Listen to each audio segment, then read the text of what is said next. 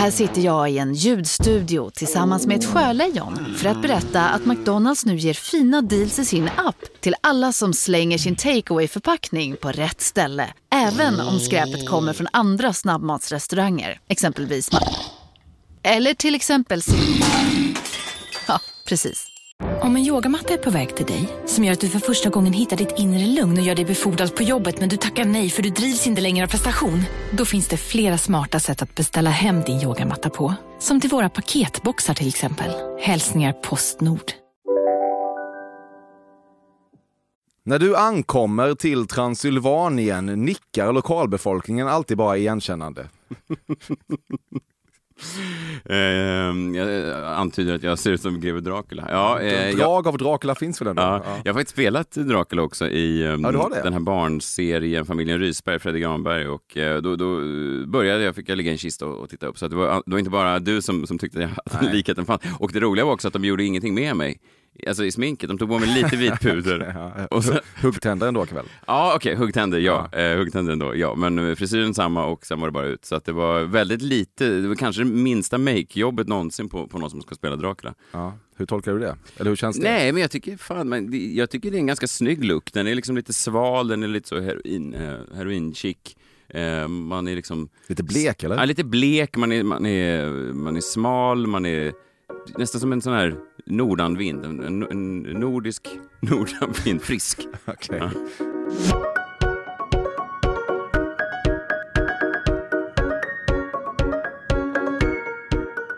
Du lyssnar på säsongsavslutningen av Fördomspodden som så ofta, för att inte säga alltid, med mig Emil Persson. Podcasten där jag kanaliserar hela svenska folkets fördomar om en känd svensk och sen låter den kända svensken höra sanningen.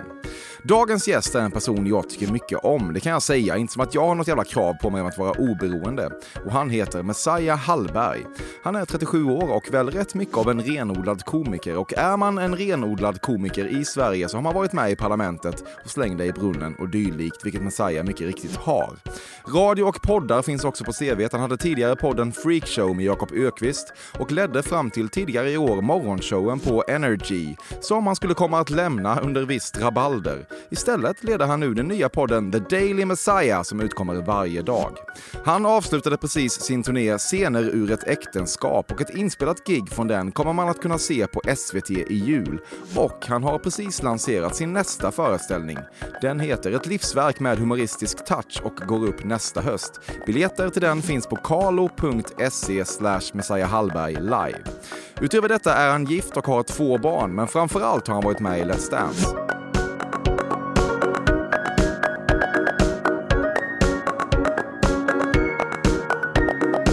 Ibland när du står i 7-Eleven-kön för att hugga en takeaway-kaffe i faten brister du bara ut i skratt och tänker Let's Dance, vad fan hände där? Nej, ja, jag, kan, jag kan ibland eh, eh, eh, se Let's Dance eh, när det går på tv och tänka, vad fan hände där? Eh, men det tänkte jag å andra sidan, eh, innan eh, jag var med i Let's Dance, tänkte jag, precis när jag hade tackat ja till Let's Dance, jag det tänkte jag väldigt ofta när jag stod på dansgolvet och såg alla de här människorna som inte kunde få nog av att dansa. Vad, fan, vad fan hände här? Men sen, jag vet ju vad som, som, som hände. Jag blev lockad av att, eh, ja, uppmärksamheten.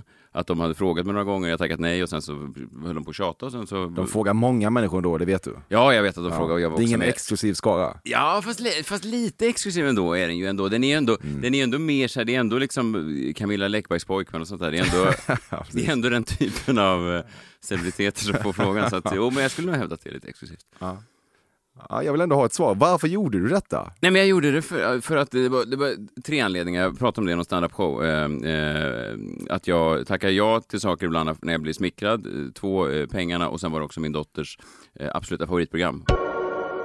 Det är med stor motvilja du skaffat TikTok. Ja, fy fan.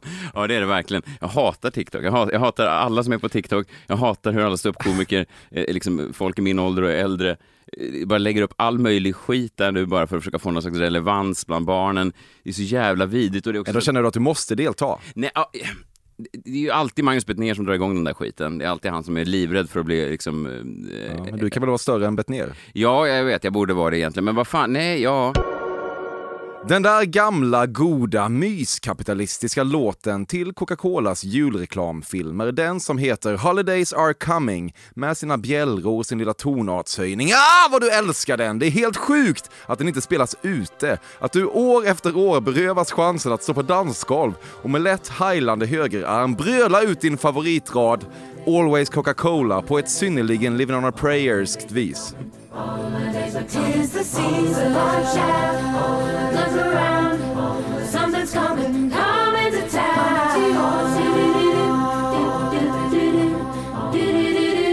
Always Coca-Cola. Jag älskar den reklamen, det, det är helt sant. Jag tycker den är fantastisk. Jag, jag är ju en, eh, jag är ju en jultok. Va? Jag ju, eh, otro, går verkligen all in. Det är verkligen ingenting som utmärker mig tror jag, i det här landet, eller det bästa landet överhuvudtaget. Men jag, jag, älskar det och jag tycker den här reklamen fångar väl exakt det man gillar med julen. Det, det, det sagolika, det kapitalistiska, det kommersiella, den här kluckande tomten. Eh, det, är väl, det är väl en fantastisk låt. Mm. Sen om jag skulle vilja ha den på nattklubbar, ah, tveksamt. Men du vet vilken text jag menar när jag säger Always Coca-Cola? Always Coca-Cola. Exakt. Ja, Ja, den älskar du väl? Ja, Sjuk jävel. den, är- ja, den är svängig. Ja? Du hatar människor som gör ett stort nummer av att de hatar föräldramöten. För du vet att ingen hatar föräldramöten som du, inte ens människor som gör ett stort nummer av att hata föräldramöten. Nej, ja, eh, hmm, föräldramöten, ja fast fan jag har, jag har blivit bättre. Alltså, om, man skulle, eh, om man ska gå tillbaka i tiden när jag fick barn, då var jag ju otroligt mycket mer introvert och hatade folk och allt det där och gjorde en grej av det mer, och så där, ännu mer än vad jag gör idag, tror det eller ej. Eh, och, ehm, så, så då var det liksom så jävla viktigt för mig att verkligen avsky varenda sån där instans, liksom, vartenda sånt tillfälle. Nu har jag ändå lärt mig under de här åren som jag haft barn att eh, processa det och kunna ta mig igenom det och snacka skit och sitta och prata om väder och vind och sånt där. Sånt som, gjorde, sånt som jag var tvungen att vara full för när jag började plugga. Liksom.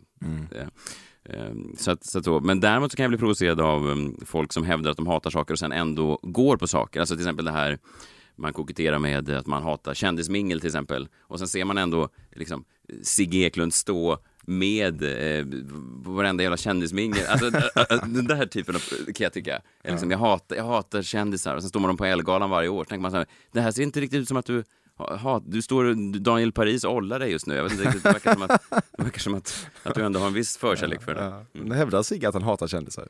Jag, jag bara tog ett namn Ja, ur jag hatten. ja. Jag tog, även Daniel Paris tog jag ur hatten. Jag, det, det kan vara vilket ollon som helst. Ja. Okej, jag bara tog två, två män ur Tog hatten. ett, ett, en man och ett ollon Ja, hatten. exakt.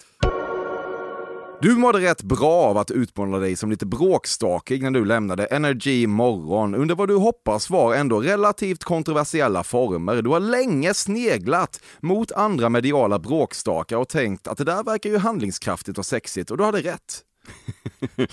Eh, nej, men jag, så här, jag, jag faktiskt drar mig ganska mycket för att dra sådana här dispyter offentligt. Liksom. Men just i det där fallet, och jag gjorde egentligen inte det offentligt då heller, det var mer att, att jag blev ovän med, eller vi hade olika åsikter om vad, hur, hur det där programmet skulle skötas. Och sen hade jag också min podcast där, så jag kunde liksom inte prata om det i något forum, så väldigt många forum ströps för mig på en och samma gång. Och då när man är någon slags artist, eller vad man nu ska kalla sig, så, så blir det liksom, det, man får lite andnöd. Och sen kom jag också från ett jävla tufft år när jag, vi hade förlorat eh, Adam Alsing som jag jobbar med. Så det var mycket på en gång, så det blev som en tryckkokare. Jag kände bara att jag var tvungen att, att, att försvinna, gå bort eh, därifrån. Eh, Så det var skönt. Och sen att det blev media, ja det var väl eh, kul. Det var ju mest min, min kollega Jakob Ökvist som pratade med media. Jag, jag sa ingen kommentar och Jakob Ökvist sa ingen kommentar och sen så fortsatte han prata. Sen kom kommentarer. Ja, sen kom kommentarer. Eh, Men det är väl... Det var ett jävla luddigt bråk tycker jag. Ja, verkligen. Omöjligt att engagera sig i. Nej, Just det därför. skulle jag inte säga. Jag var jävligt engagerad. Det ja. var min mamma var även engagerad. Så det, var en, det var ett gäng som var engagerade. Du sa far om din pappa. Nej, det gjorde jag faktiskt inte. Jag säger mer far om honom nu när han inte längre lever.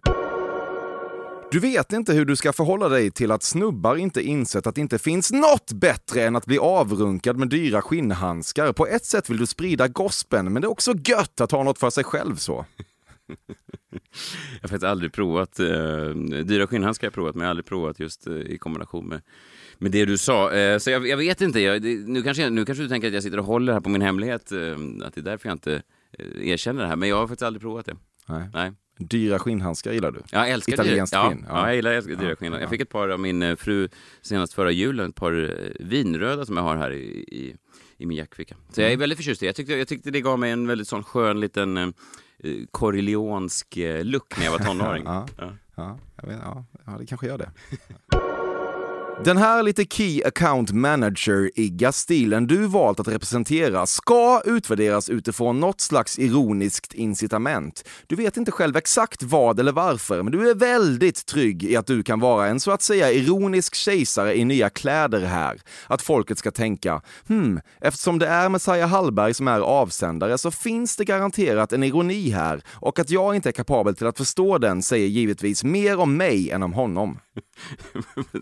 Jag får försöka dechiffrera dina, eh, dina, eh, din Ja. utläggning där. Du, eh, vad, vad var frågan exakt? Att, att det fanns en, det fanns en, en ironi i min... Eh, Key eh, Account Manager Manager, look. igga look. Ja. Ja. Alltså den sticker ju ut från kanske ditt skrå så. ja, precis. precis. Ja. Nej, men... En liten ironi finns. Ja, det- Fast du kan själv inte exakt definiera vad det är. Nej, jag men kan du kanske- tänker att så här, folk, fram- folk tänker, okej, det är jag som inte fattar, för det är kul. Eh, nej, framförallt så kan det väl vara att jag inte riktigt vet var ironin eh, börjar eller tar slut och sådär. Eh, och vad som är jag och vad som är någon slags scenperson och sådär. Det var ju ett problem väldigt mycket när jag började just att, att, få, att man, Mm, så känns det med dig lite. Ja. eh, Din persona är, ja, man vet inte var den börjar, din personlighet slutar. Nej, precis. Ehm, men, men sen när jag började med stand-up också så var det ju, då var det ju en uttalad grej att man såg så många, eh, typ Lex Magnus Betnér som gick upp då med sådana smutsiga t-shirts och ehm, drog sina skämt och då ville jag försöka bara vända på det. För det fanns ju också någon sån där, det var ju inte riktigt gjort i Sverige då att, eh, att så att säga se ner, Petra Mede gjorde det i och för sig lite grann, men, men att på något sätt behandla publiken som att de var Eh, inte det här, åh vad kul att vara här och se er, utan ni ska vara tacksamma att ni eh, får se mig. Den tyckte jag var rolig att göra. Eh, och sådär. Så då, och då var det också naturligt att klä sig lite som en sån nybliven student. Ja. Och sen har det hängt med bara på något sätt. Jag, vet inte, jag, jag, jag tänkte att jag, att jag inte såg ut som en Key Account Manager längre, men det kanske jag gör. Kanske lite. Ja, kanske lite. Du har ställt upp och pratat om ett blödigt ämne hos Malou. Varför? Ingen aning. Eh, jag, har, jag har varit i Malou-studion eh, en gång, en ganska... finns på Youtube, jag, har en lång rutin om det i min eh, senaste show. Där jag sitter i då någon slags, någonting som heter Mammapanelen, där jag sitter bredvid två mammor. Och första frågan är om man tycker att man känner sig på något sätt förminskad som kvinna om en annan kvinna ammar ens barn. Var första frågan. Och jag sa att nej. Vem castade dig i panelen? Det Malou? Nej, det var min, eh, min agent som sa att det här är bra, det ser så många. Eva Fröling var bo- avbokad sent på. Och sen så slutade det med att jag sa att ett av mina barn hade dött när de åt honung. Mhm. Eh, vilket är ett kul skämt, men det, det blir inte lika kul när det är bara helt tyst i studion och man ser Nej. att alla tar det på allvar. Och sen berättade jag en um, väldigt värmande historia om hur jag skrek på min dotter i en park och råkade väcka en hemlös man som kom upp och, och läxade upp mig. Eh, och Malou då berättade att eh, hennes pappa hade aggressionsproblem när hon var barn. Så att då hade hon behövt en sån här hjälte som kom fram och Okej. sa till. Okej. Så man kan säga att eh, det var av tre eh, frågeställningar så var det tre sådana strikeouts. Ehm, och det var live också och inga skämt. Jag tror inte jag sålde några biljetter. K- kanske inte ett blödigt ämne, men det var i alla fall ett misslyckat besök. Ja. Mm. Men andra delen av fördomen då, varför var du där? Ingen aning. Det känns ju som att du kanske inte har. Jo, jag vet varför jag var där. För att Ja. jag ville eh, sälja de sista biljetterna till min förra turné. Det här var precis i 2017. Men du visste att det var mammapanelen? Nej, bokad? det visste jag inte. Nej. Nej. Du trodde att det bara var intervju? Jag trodde att det var en intervju eftersom jag är en komiker som ska ut på en komikerturné så tyckte jag det känns mer orimligt att sitta och prata om amning. Fördomspodden sponsras återigen av Air Up. Och Air Up är en innovativ flaska som smaksätter helt vanligt kranvatten med doft.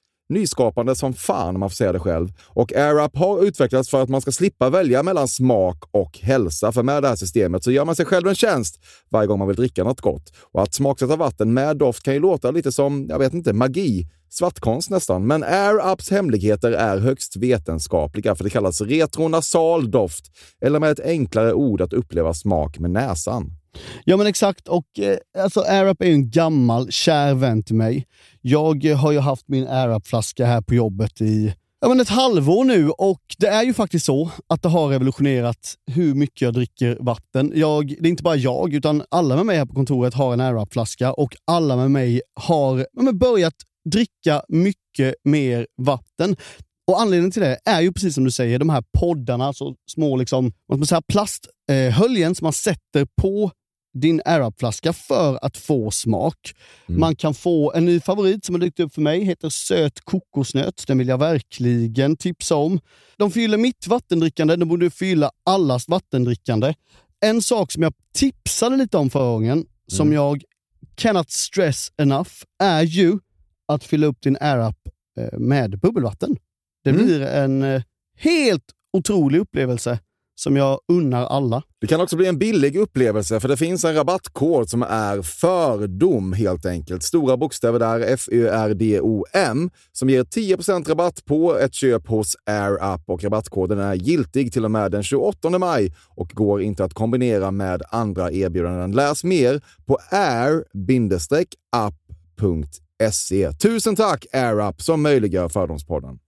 Fördomspodden sponsras denna vecka av Sting Free, världens enda vita snus med skydd för tandköttet. Detta inslag riktar sig bara till dig som är över 25 år och redan använder nikotinprodukter. Nikotin är ett mycket beroendeframkallande ämne. Felix, en fördom jag har om dig och snusare i Småland generellt är att man absolut inte får visa sig svag och erkänna att tandköttet tagit stryk av att snusa. Så är det verkligen Emil. Men visst fan får man skäll av tandläkaren alldeles oavsett. Och en då, som jag kan berätta, som länge trodde att hans tandkött tålde hur mycket snus som helst, det var Bengt Wiberg i Stockholm. Men när han fick ont i tandköttet och tandläkaren sa åt honom att sluta så var han inte så stöddig längre. Och då fick Bengt Wiberg en tokig idé. Han tänkte, vad händer om jag sätter plåster på tandköttsidan av prillan? Är det sant? Ja, Och det funkar alltså? Alltså man plåstrar prillan för hand, så att säga? Ja, precis. Plåster på tandköttsidan av prillan testade han och det funkade otroligt nog. Och snuset smakade fortfarande gott och levererade nikotin precis som det skulle. Men det är ju liksom... Det måste ju ändå vara revolutionerande det här. För en riktig skitgrej med snus är ju att tandköttet tar stryk. Eh, och det här låter ju ändå som en, någon slags produkt som är, blir lika självklart som typ ja, men bilbältet eller en cykelhjälm eller vad som helst. Ja, precis. Ja, men vi, vi är många som har haft problem med det här genom åren sannoliken. Och nu är den här idén patenterad och istället för plåster så är det blå skyddet inbyggt i prillorna. Och Sting Freeze produkter finns att köpa i butik och på nätet. Så läs mer om världens enda vita snus med skydd för tandköttet på stingfree.se. Tack Sting Free! Och tack Bengt Wiberg. Ja, verkligen. Fördomspodden sponsras av Bastard Burgers som är den norrländska burgarkedjan som ju finns över hela landet plus i Oslo, i Helsingfors och New York och de serverar svenskt nötkött och har en stor vegansk meny. Och vi ska prata lite mer om det här eh, signaturburgarkonceptet för 2024 som går ut på att det varannan månad presenteras två nygamla signaturburgare som gör efterlängtad comeback på Bastard Burgers och det heter ju Hall of Fame. Ja men det ska vi verkligen, men innan vi ska dit så skulle jag vilja lyfta en sak Emil. Nu kommer sommaren, nu kommer after work-tiden. Man känner hur det spritter i benen. Ta den after work med Bastard Burgers, för vet du, förutom liksom den härliga ambiansen så har de ju spicy nuggets på menyn. Vi pratade om detta förra veckan. De har ju haft chicken nuggets på menyn ett tag, men nu finns det alltså spicy nuggets. De har tagit det till en nivå till. Det skulle jag verkligen vilja tipsa om nu när sommaren kommer. Att öl eller någon annan slags beverage och spicy nuggets, där har du en AV i min smak. Mm.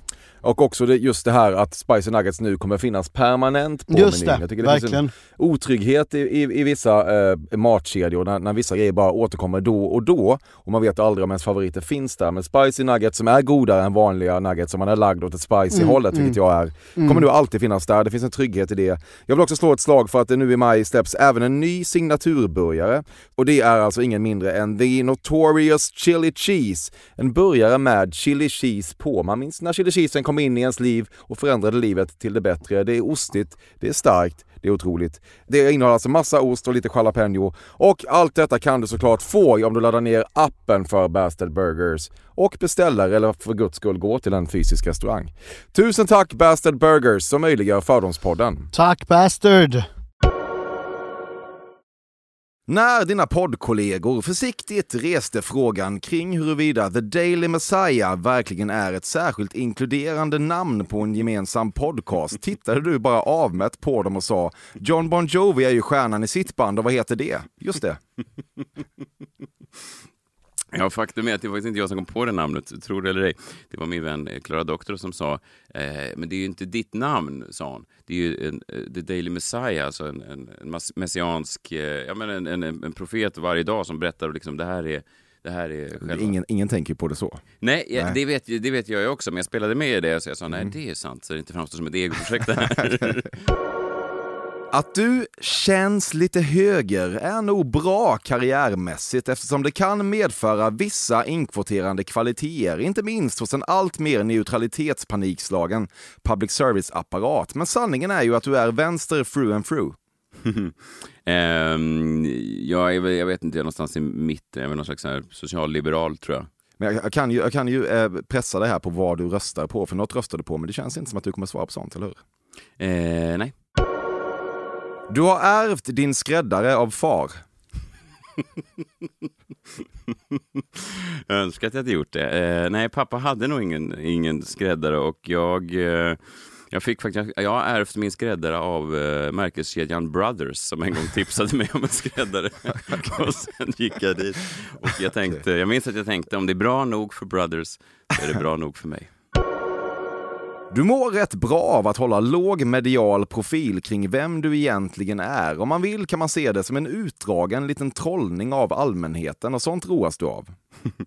Ja, så här, när jag började köra standup så var jag ju då i, liksom, i någon slags karaktär även i intervjuer. Att jag tyckte att det var, jag, jag- ville aldrig bryta karaktär, jag ville vara liksom nästan som någon slags Eminem-figur i början. Att det skulle vara liksom sådär. Det var du Eh, väl lite hos Malou också då? Eh, nej, det var jag inte. Vem är du då när du säger att barn dör av honung? Nej, men, hon sa, hon berättade för de här mammorna att eh, helt vanliga livsmedel kan vara livsfarliga för små barn. Visste ni? Till exempel honung. Mm. Och då sa jag, ja, faktum är Malou att av mina barn dog när de åt honung. Ah, okej. Ja, för att jag tycker att det är en, det är en rolig situation Ja, att ja. säga något sånt. Och sen frågade de om det är sant och jag sa nej men såklart det inte är sant. Sitter jag väl inte drar det som en, en rolig anekdot Nej. hos dig. Det, är aldrig, Eh, det är aldrig ett bra tecken på ett skämt att den frågan kommer. Nej, nej, nej, det var ju verkligen, jag, jag backade väldigt snabbt ur det skämtet. Men eh, nej, jag, fan, jag, fast min senaste show är ju väldigt transparent och så här, om vem jag är privat och så. Så att jag försöker väl, jag har försökt blottlägga mig mer och mer eh, i och med att jag har också långsamt insett att folk inte är så intresserade i, eh, av eh, ens dolda sidor. Nej. Utan det är jäv, jä- väldigt gärna eh, svart och vitt målat allting, liksom karaktärsdrag så här, som, som dras upp i media. Så att jag har väl försökt förtydliga lite grann. Mm. Men sen är det kul att leka, leka lite grann.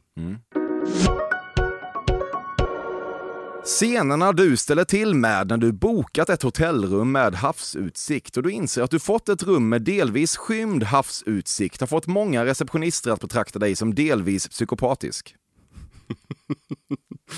um, nej men jag tycker, jag kan bli provocerad ibland när man, eh, till exempel nu senaste, min senaste turné, och det här är ju väldigt ilandsproblem såklart, men, men om, jag, om jag till exempel giggar på en stor scen som ligger liksom på ett hotell och sen har jag inte fått det största rummet till exempel på hotellet. Då kan jag tänka mig, fan spar ni det åt? Och i det här fallet visste jag att Danny Saucedo hade bott i, i, sviten då kvällen innan mig, för han var, var, var där och uppträtt. Och- I samma lokal som du? Ja, och eh, då hade ett mycket bättre rum än vad jag hade. Så, så det är provocerande kan jag tycka. Alltså för att jag ändå dragit dit folk till det här etablissemanget. Så tänker jag att de är nästan skyldiga att ge mig det.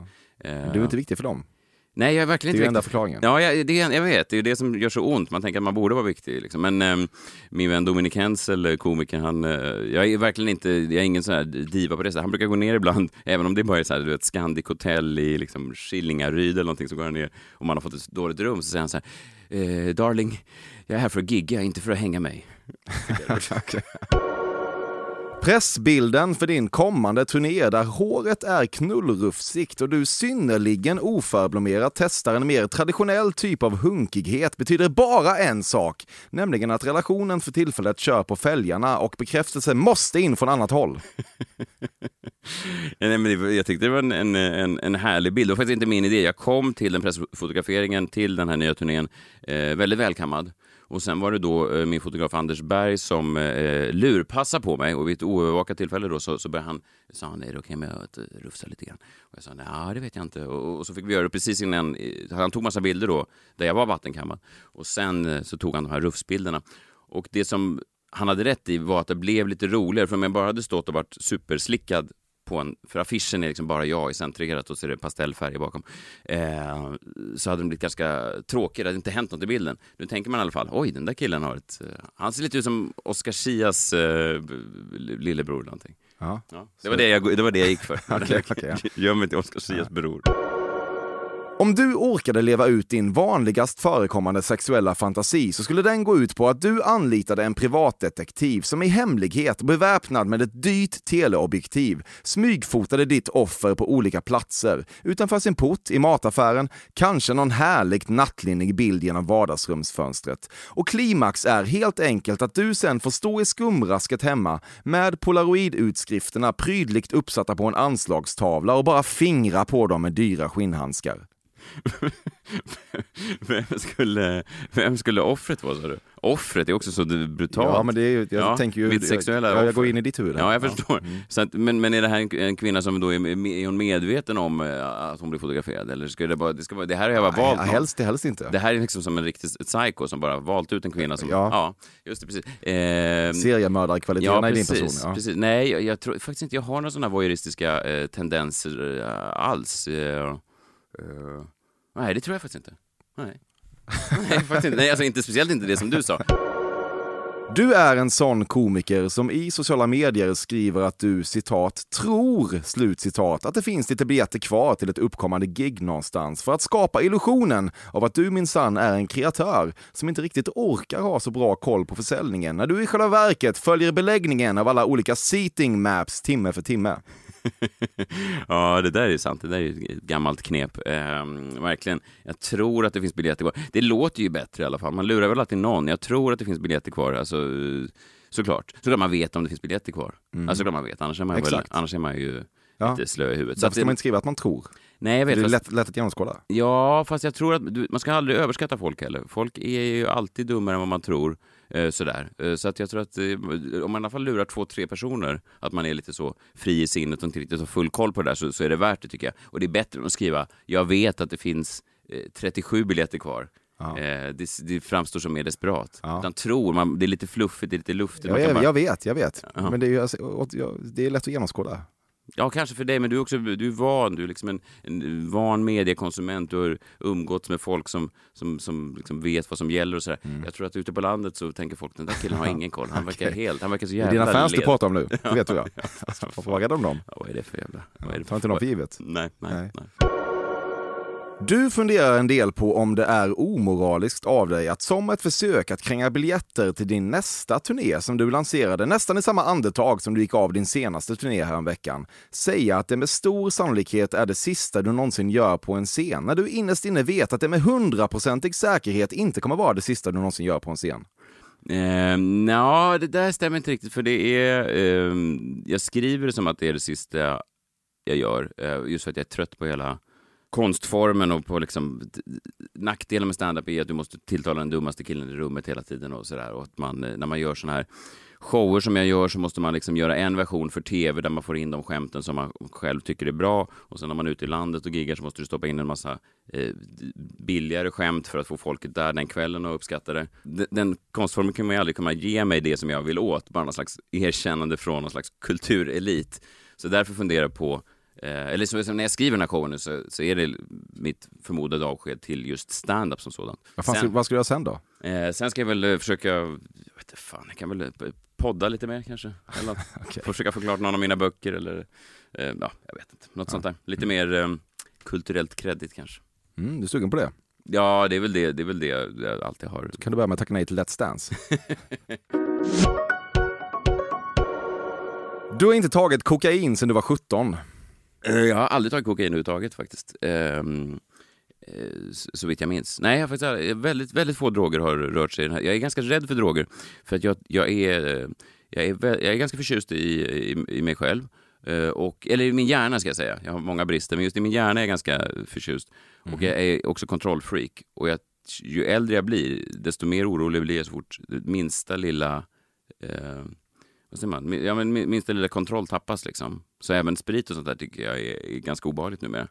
Eh, så att kokain och sånt, nej jag har aldrig, aldrig ens rört det. Jag tror inte ens jag har sett det, förutom hemma hos... Eh, nej, jag ska inte säga. nej, eh, nej, jag, nej. Vad är det som förtjusar dig med din egen hjärna? Eh, jag, jag, jag tycker den är, är bra, jag tycker den är rapp, jag tycker den har... Jag tycker att du är en smart jävel. mm, det. Rolig. Ja, Ja. det tycker jag. Jag tycker att jag trivs i mitt eget sällskap. Jag behöver inte så mycket människor runt mig för att ha trevligt.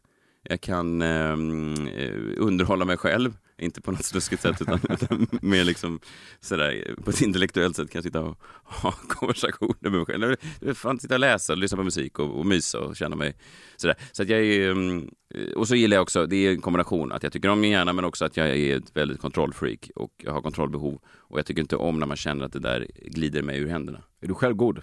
Eh, ja, men det får jag ändå säga att jag är. Mm. Eh, verkligen. Men, eh, men, men självgod, men med en vetskap om en viss eh, självgodhet, vilket gör självgodheten eh, charmig, till skillnad från folk som håller sig som att de inte är självgoda, eh, men är det och inte medvetna om det. Och då blir de ocharmiga. Ja. Mm. Keep, keep telling yourself that. När en tjej fått kåtfeeling och slitit i ditt vattenkammande backslick under sex har du ryckt bort handen, avbrutit juckandet, suckat, halat fram en grovtandad kam ur lådan i nattduksbordet, resetat frisyren med några snabba drag, lagt tillbaka den grovtandade kammen, stilla viskat “Gör du sådär en gång till så har du ingen hand kvar” och därefter återstartat knullandet igen som om ingenting hänt. Ehm, ja, jag eh, har faktiskt en... en ehm, eh, det var en period i mitt liv då det där kunde varit sant. Ehm, jag gick ofta hem från skolan, för folk visste ju att jag var väldigt noggrann med mitt hår, att det låg perfekt kammat i gymnasiet.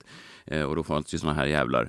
Eh, det var ju en, en ganska snäll skola ska man säga. Det var ju skolans gangsters var de som rufsade till mig i håret. Det var liksom inga gängskjutningar eller sådär, men det var, det var en innerstadsskola. Eh, men... ehm, Ja, det gillar du inte. eh, Att bli tillrufsad. Nej, det gillade jag verkligen inte. Så jag gick ofta hem då och fick sådär ogiltig frånvaro för att de hade förstört min, eh, min frisyr. Sen kom jag på i, i tredje ring då att man kunde ha med sig kam och gelé till skolan.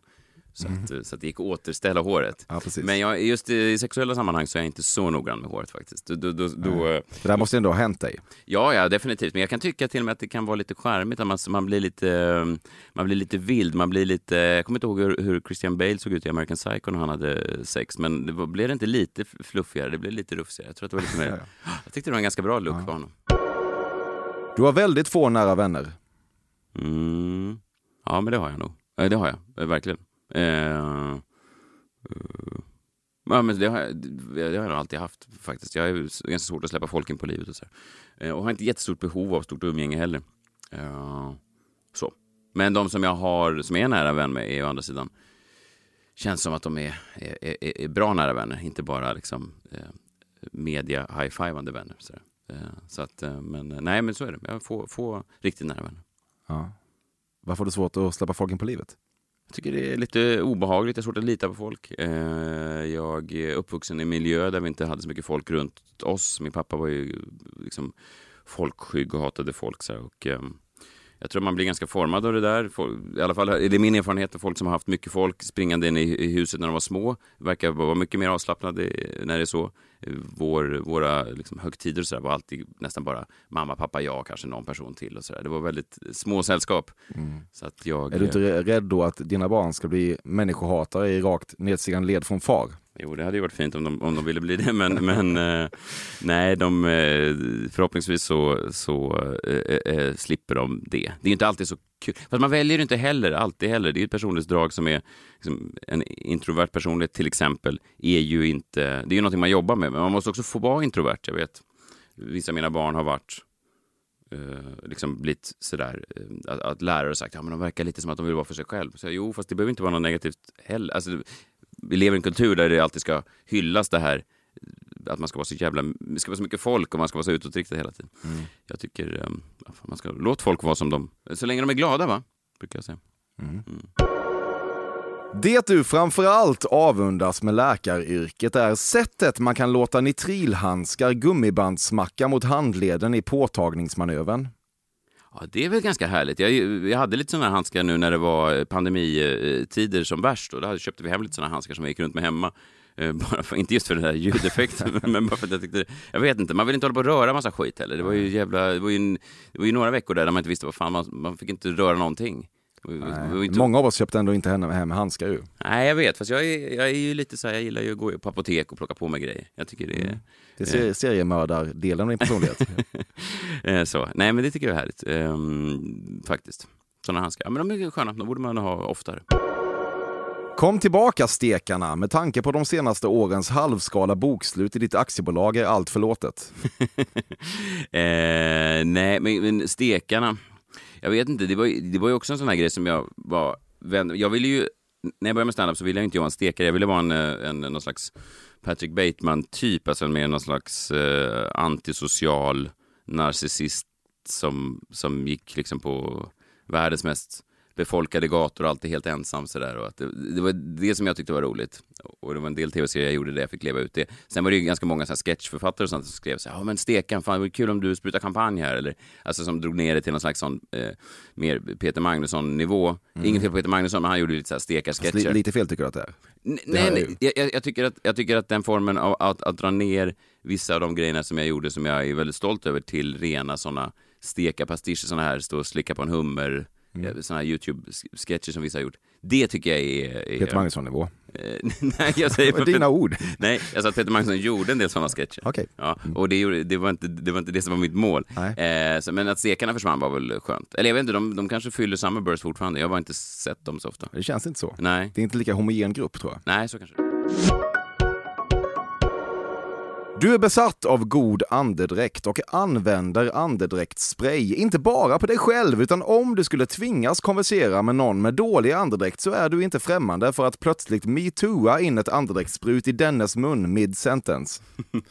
Jag har faktiskt ganska nyligen upptäckt andedräktssprayer, så jag har alltid med mig en sån liten eh, SP12 är det, va? Som, man, som man kan spraya in i munnen. Eh, Jag tycker det är härligt. Just Ja, du har alltid med dig det? Ja, jag har alltid med mig Bra. det. Eh, och, eh, men jag skulle nog inte ge mig på andra just eh, i dessa tider så är det så himla känsligt just om man ska in i andras munnar och ställa till grejer. Varje gång du ser Thomas Ledin tänker du på att hans ögon blir allt mer avsmalnande och du skulle inte vilja ha det på något annat sätt. Det var länge sedan jag såg Thomas Ledin faktiskt, men han är väl...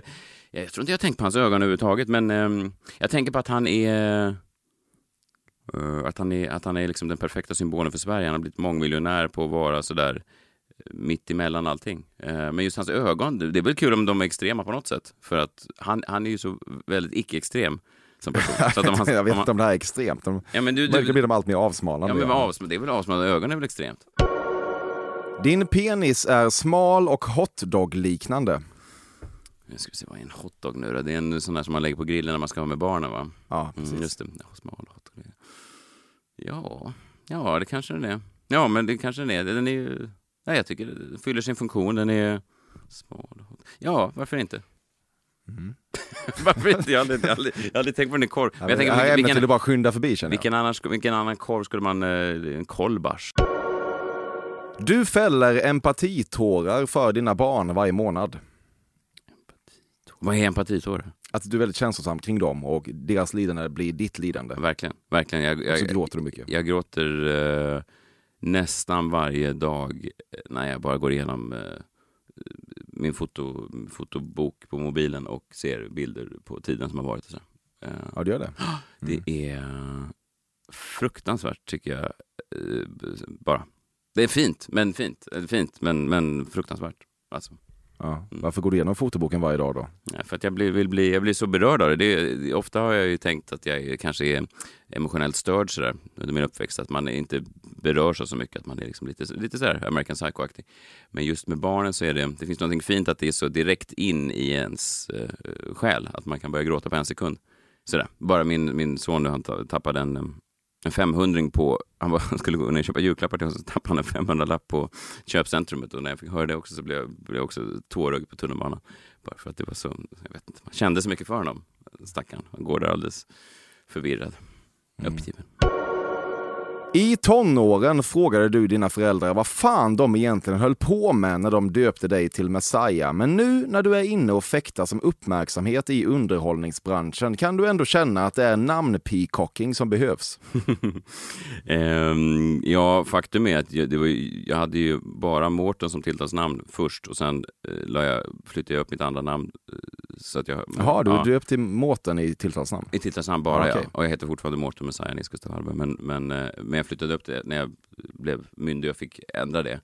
Ehm, så att ehm, det Åh, är väl... jävlar, ja, okej. Ja. Då kan vi inte lasta dina föräldrar. Nej, man kan inte lasta mina föräldrar för det. Men eh, ja, precis. Nej, det är ett gammalt eh, släktnamn som jag tog över. Och ehm, jag tyckte att det var lite för bra för att inte använda, helt enkelt. Mm. Eftersom du ska fäkta som uppmärksamhet i Ja, underhållningsbranschen. ja, precis. Men även, även innan så tyckte jag, även innan jag ens hade en eh, tanke på att jag skulle in och fäktas i upp, uppmärksamhetsbranschen, så tänkte jag att det var en, eh, det sände en tydlig signal till folk. Hela livet är en fäktning. jag, jag ville bli bemött. Ja. Jag tror, vem tror du att du är? Jag tror att jag är Guds son. Du hatar inte det på något luddigt sätt lite motreaktionsfeministiska i att du är ihop med en tio år äldre kvinna typ och sättet det får dig att framstå. Nej, det är väl eh, fint. Jag kan ibland droppa det just när man sitter med den här typen av, eh, vad ska man säga, en, en Hanna Hellquist eller den här typen som ofta, jag minns första gången jag blev intervjuad av eh, Hanna Hellquist i i Morgonpasset kom jag in med en bok och så sa hon, läser du? Eh, bara sådär, som en, som en, som en sån Kul, härskarteknik. ja, och också kul på något sätt. Kul, verkligen, men just det jag tror att... Men också elakt. Ja. Ja, precis. Och då kan man sen lite längre fram i konversationen bara droppa in att jag, min, min sambo här, hon är ju ja, hon är ju tio år äldre. Va? Så att hon är, ju- och, och då ser man hur, hur respekten bara växer i de där mediakvinnornas ögon. För de tänker, har han... Och så, det, det, jag vet inte, det, det, har, det finns någonting där, jag vet inte vad det gör, men det säger väl att jag i alla fall är att jag har någon slags mognad kanske. Eh, eller att jag, är, att jag kanske inte gör den här klassiska mediamansgrejen att man dejtar bara massa 19-åriga tjejer som inte har någon egen vilja. Jag vet inte vad det sänder för signaler. eh, men det finns någonting i det, absolut. Men Kan det vara så att när du har kriser med din fru så tänker du ändå så här, om vi separerar nu så kommer jag ju tappa den här burnen som jag kan ge till Hanna Hellquists figurer. och att det ibland hjälper dig att hålla dig kvar lite i relationen. Eh, ja, absolut. Det är ju inte, det är ju inte enda anledningen till att jag, att jag vill stanna kvar. Eh, men jag kan tänka ibland så att, att det vore så sorgligt av mig om det, om det någon gång skulle ta slut. Och sen skulle jag säkert hamna då med någon sån eh, 19-årig influencer-tjej. Garanterat kommer det bli så. Ja, och så tänker jag att då skulle jag liksom bryta med det som jag har eh, talat om för mig, min egen Börjar självbild. de på ruta ett med Hanna Hellquist igen? ja, Det du inte. då får jag den där läser du igen. Och så, så. Eh, så, nej, nej, precis. Så det skulle nog vara ett hårt slag mot min, min självbild om inget annat. Mm. Du har skrivit 1,6 på högskoleprovet. Ja, 1,6 eller 1,5 hade jag. Du är otroligt trött på parlamentet som underhållningsform. Den arma kraken borde skickats till gaskammaren för flera decennier sedan. Men som komiker i Sverige bara måste man använda den exponeringsytan. Så du antar att det bara är att vackert sätta sig där och bli tvångsdeepthroatad av tips från denna satans coach tills man kvävs och dör. Eh, jag eh, tycker att det är kul att göra eh, Parlamentet. Ehm, och anledningen till det är att det tog så jävla lång tid för mig att få göra det. Jag började med standup eh, 2009 och då pratade jag lite med producenterna för det. Och sen dröjde det sju år tills jag ens fick liksom, vara med i programmet.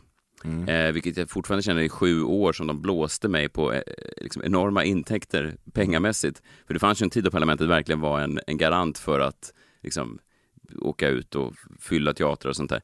Eh, och så är det inte riktigt längre. Så att nu har det ju lite tappat i värde. Jag tycker fortfarande det är väldigt kul att göra det. Du, du är lite late to the party. Ja, jag är lite late to the party. Jag är lite, man dyker upp lite när, när eh, alla de stora gästerna har gått hem och så, sådär, äter smulorna. Eh, men jag tycker att det är kul att göra det.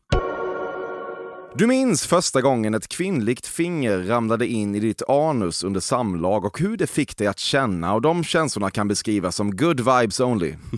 Det har faktiskt aldrig trillat in något finger eh, där överhuvudtaget.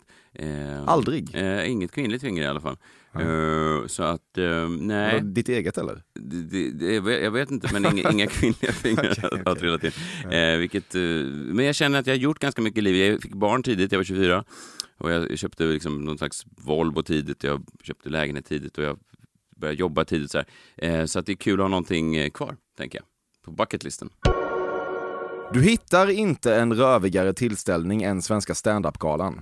Eh, Den är väl kanon, Svenska standup-galan. Jag är dock superstressad när jag är på Svenska standup-galan. Det är ju då den här årliga, eh, man delar ut priser och jag har vunnit den några gånger. Jag ska inte sticka under stol med det, men, men det är en otroligt stressande miljö för en sån som mig. För att man tror att komiker är såna, såna här eremiter, och, men de flesta är ju egentligen bara såna här firmagigskillar, liksom, lite uh, key, Key Account Manager-typer som tycker det är supertrevligt att träffa folk de känner. Jag eh, får ju ett enormt stresspåslag av det där. Det är ju, det är ju liksom min firmafest. Och, och också bristen på respekt som vissa av de här mindre begåvade komikerna visar, sån som mig, när, de, när man frågar hur är läget och sen bara mal de på om deras senaste gig. Som att jag bryr mig om deras gig. Jag vill ju bara vara trevlig och sen gå vidare till, till, till min stol. Ehm, eh, så att det är liksom att st- stå där tre timmar och lyssna på de här olika historierna. Och, de, och, och komiker, precis som jag, de ställer aldrig frågan tillbaka heller. Så jag får inte, jag får inte sitta som jag gör här, bara mal på. Ehm, så att nej, det är stressigt, men jag tycker att det är ganska, ganska trevligt. Det stod en Ab-glider inhandlad från TV-shop under din säng när du växte upp. Eh, nej, det gjorde det inte, men jag älskade TV-shop-reklamerna. Men det, jag hade ingen Abglider. Eh, det hade jag faktiskt. Vet du vad det är? Mm, det är sån där, jag vet. De hade såna enorma sexpacks eh, de här som visade upp. Man behövde bara glida lite grann Precis, fram ja. på parkettgolvet och sen så var man, sen var man med i Baywatch. eh, älskade alla de där. Jag var nära att köpa dem, men jag, jag gjorde aldrig det. Det var tacksamt att ha en podcast med Jakob Ökvist. Han kom alltid i tid och hade inga problem med att ta ett större ansvar för det logistiska. Men framför allt var det skönt att alltid veta att man är smartast i rummet. Eh, han skötte inte om det logistiska, jag säga. det var fan det sista han gjorde. Eh, han var, ja, men jag var smartast i rummet, jag vet inte. Jag, jag var väl, det som var roligt med, med podden med Jakob Ja, var kul ändå, du sitter här och skämtskryter hela tiden och liksom din person är sånt jävla självförtroende. Men när det blir lite real här då, då backar du tillbaka. Mm. Eh, nej men smartast i rummet, ja, alltså, jag kanske har en, en smartare typ av humor än Jakob. Jakob har väl en bredare humor än vad jag har. Jag har väl lite mer så här smalare humor. Så om man tycker det är smart så, så är, var jag väl Då. Är det lite Peter Magnusson-nivå på Jakob Ökvist eller? Eh, nej, det, det tycker jag verkligen inte. Jakob Öqvist skulle aldrig vara med i ett sånt program som Hej Baberiba. Han skulle aldrig bli inbjuden. Nej, det, det, det vet jag inte. Du lämnar aldrig hemmet utan närspray. Sant, helt sant. Hur fan visste du det? Du känns, du känns väldigt närsprayig. Är det sant? Jag har missbrukat Otrivin mentol sedan jag var 16 år eller någonting. Ja. Ja, det Du, är du okej. har liksom inte haft en vit månad från närspray sedan du var 16. Nej, eh, Otrivin mentol och Treo citrus är mina två eh, laster. Det tar jag varje dag. Hela tiden. Gör du det? Ja, Tre och varje dag? ja. Jag har konstant ont i huvudet. Okej. Det- ja, okej. Ja. Ja, ja. Eh, Så att, nej, jag lämnar verkligen inte. Jag har faktiskt fan eh, nässpray i fickan nu.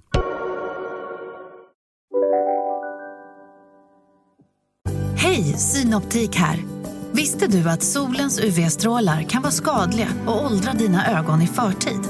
Kom in till oss så hjälper vi dig att hitta rätt solglasögon som skyddar dina ögon. Välkommen till Synoptik. Dåliga vibrationer är att gå utan byxor till jobbet. Bra vibrationer är när du inser att mobilen är i bröstfickan. Få bra vibrationer med Vimla. Mobiloperatören med Sveriges nöjdaste kunder enligt SKI. Just nu till alla hemmafixare som gillar Julas låga priser. En Royobi grästrimmer inklusive batteri och laddare för nedklippta 1 499 kronor. Inget kan stoppa dig nu.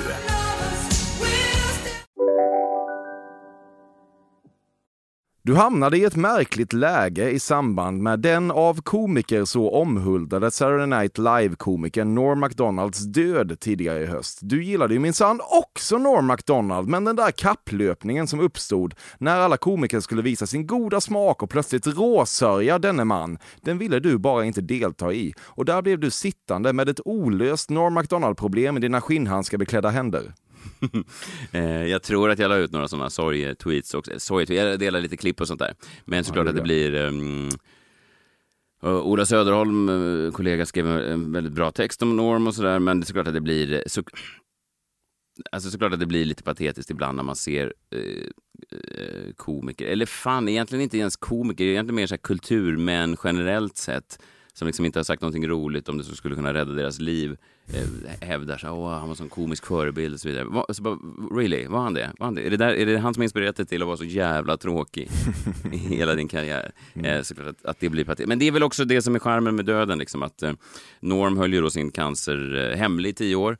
eh, För att inte folk skulle tänka på det och inte se på honom med sån här Mm, det är fan fascinerande. fascinerande och i, i dessa tider såklart otroligt imponerande att man inte gick den enkla vägen ut och ringde Bibi Röd och sa så här, jag tror jag har 82 minuter kvar att leva här.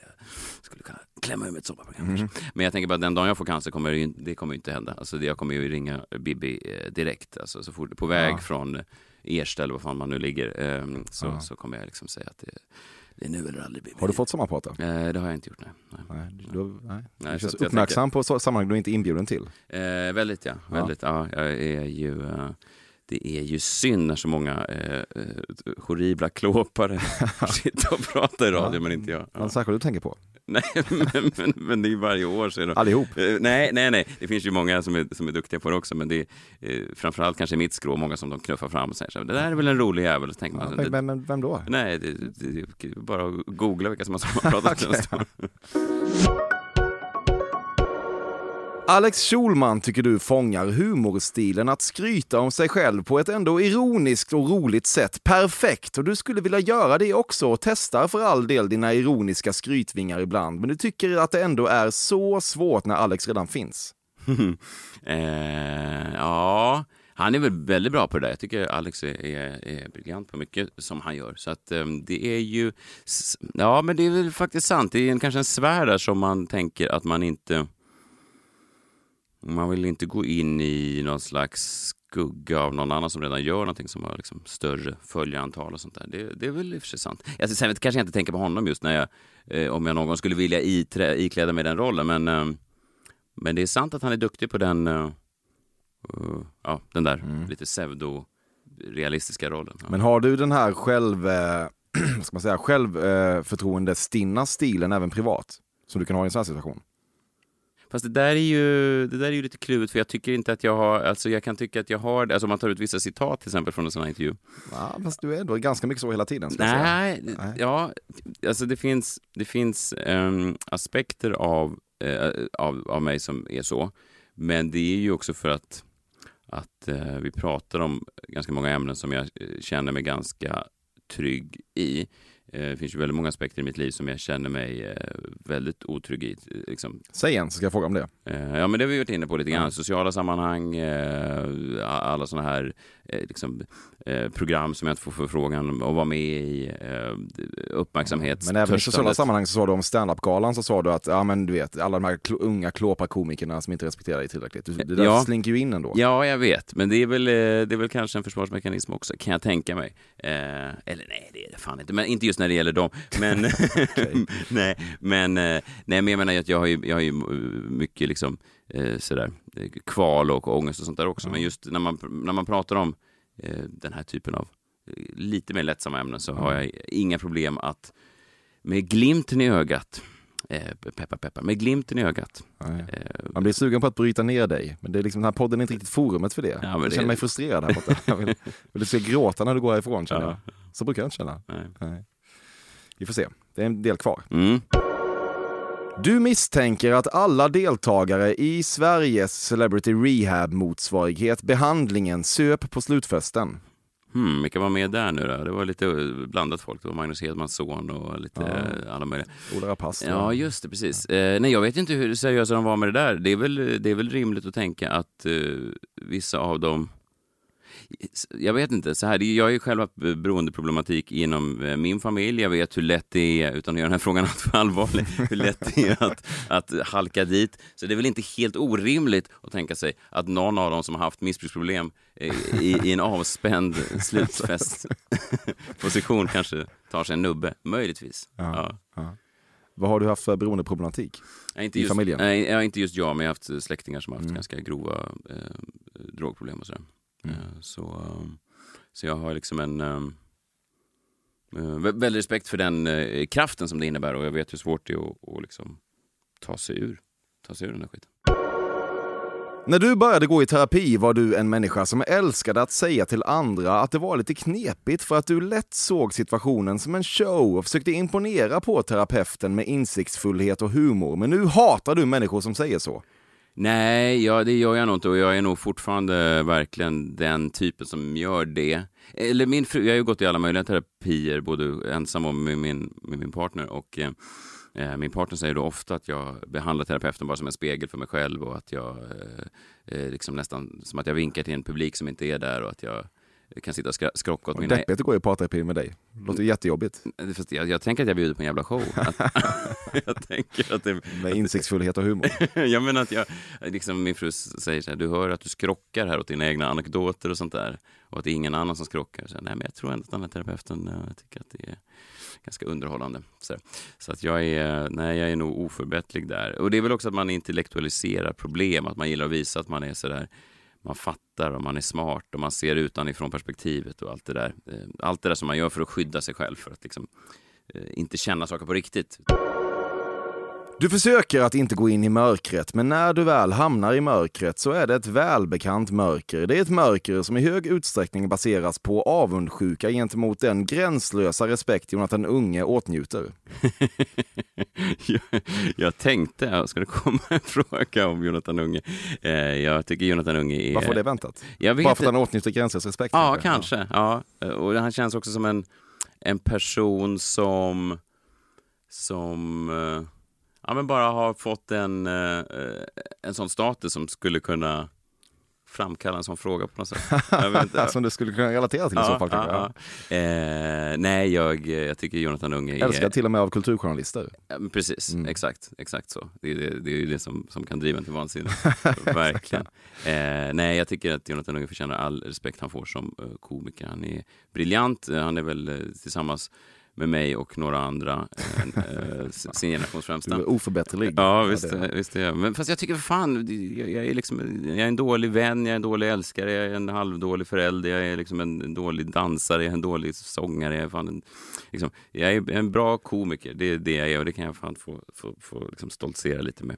Men, ehm, men Jonathan, nej men som komiker tycker jag, eh, har jag ingen eh, ingen bitterhet mot honom. Det jag kan känna bitterhet för är väl då snarare kulturjournalisternas eh, hängivenhet och deras fascination för eh, den här slarvigheten. Och, Åh, han kan inte betala räkningar, vilken rebell.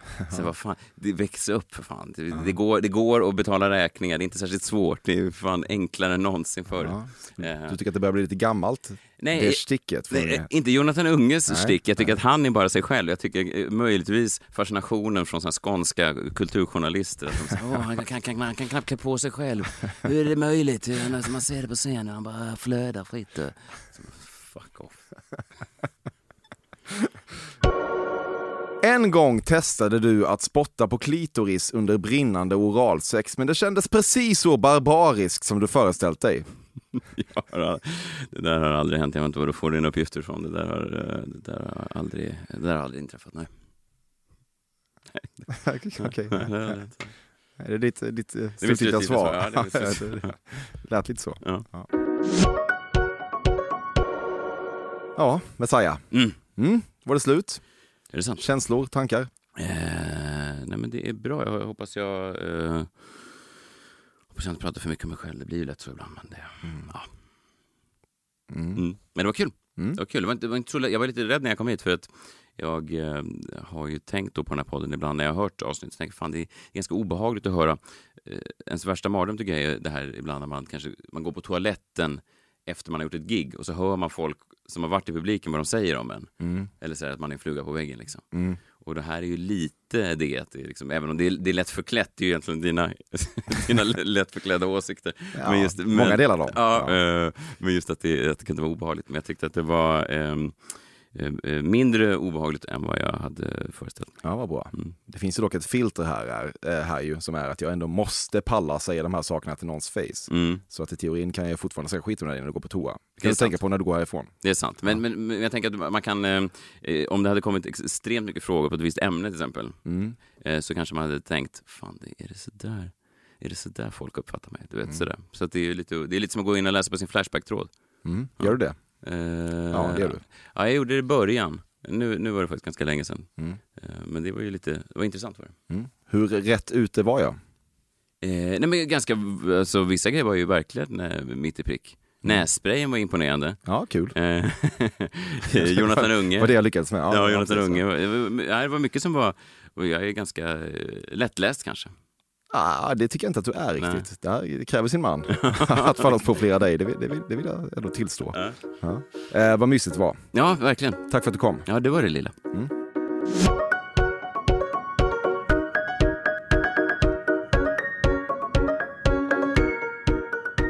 Detta har varit Fördomspoddens 157 och den här säsongens sista avsnitt med Messiah Hallberg. God jul till min ständige klippare Bobby Nordfeldt. Relativt god jul till min ständige vignettkompositör Carl Björkegren. God jul framför allt till dig som väljer att lägga din dyrbara tid på den här jävla oklara produkten. Det är och förblir otroligt. Maila mig som alltid på fordonspodden at gmail.com om du vill något, för nu försvinner jag från det här utrymmet ett kort tag och är åter i februari. Och jag tänker, precis som traditionen bjuder, lämna dig med ett vykort från avsnittet med Jan Guillou. Och därmed återstår väl egentligen för mig bara att säga Beyoncé. Eller Beyoncé.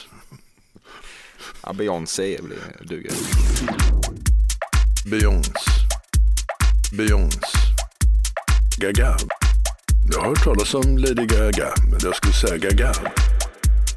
Beyoncé. Beyoncé. Beyoncé. Beyoncé. Beyoncé. Eller Beyoncé. Beyoncé. Gaga. Jag ser en fascinerad lyster i dina, i dina ögon här. Du tror inte det här är möjligt, men låt mig säga så här. Beyoncé. Beyoncé. beyond.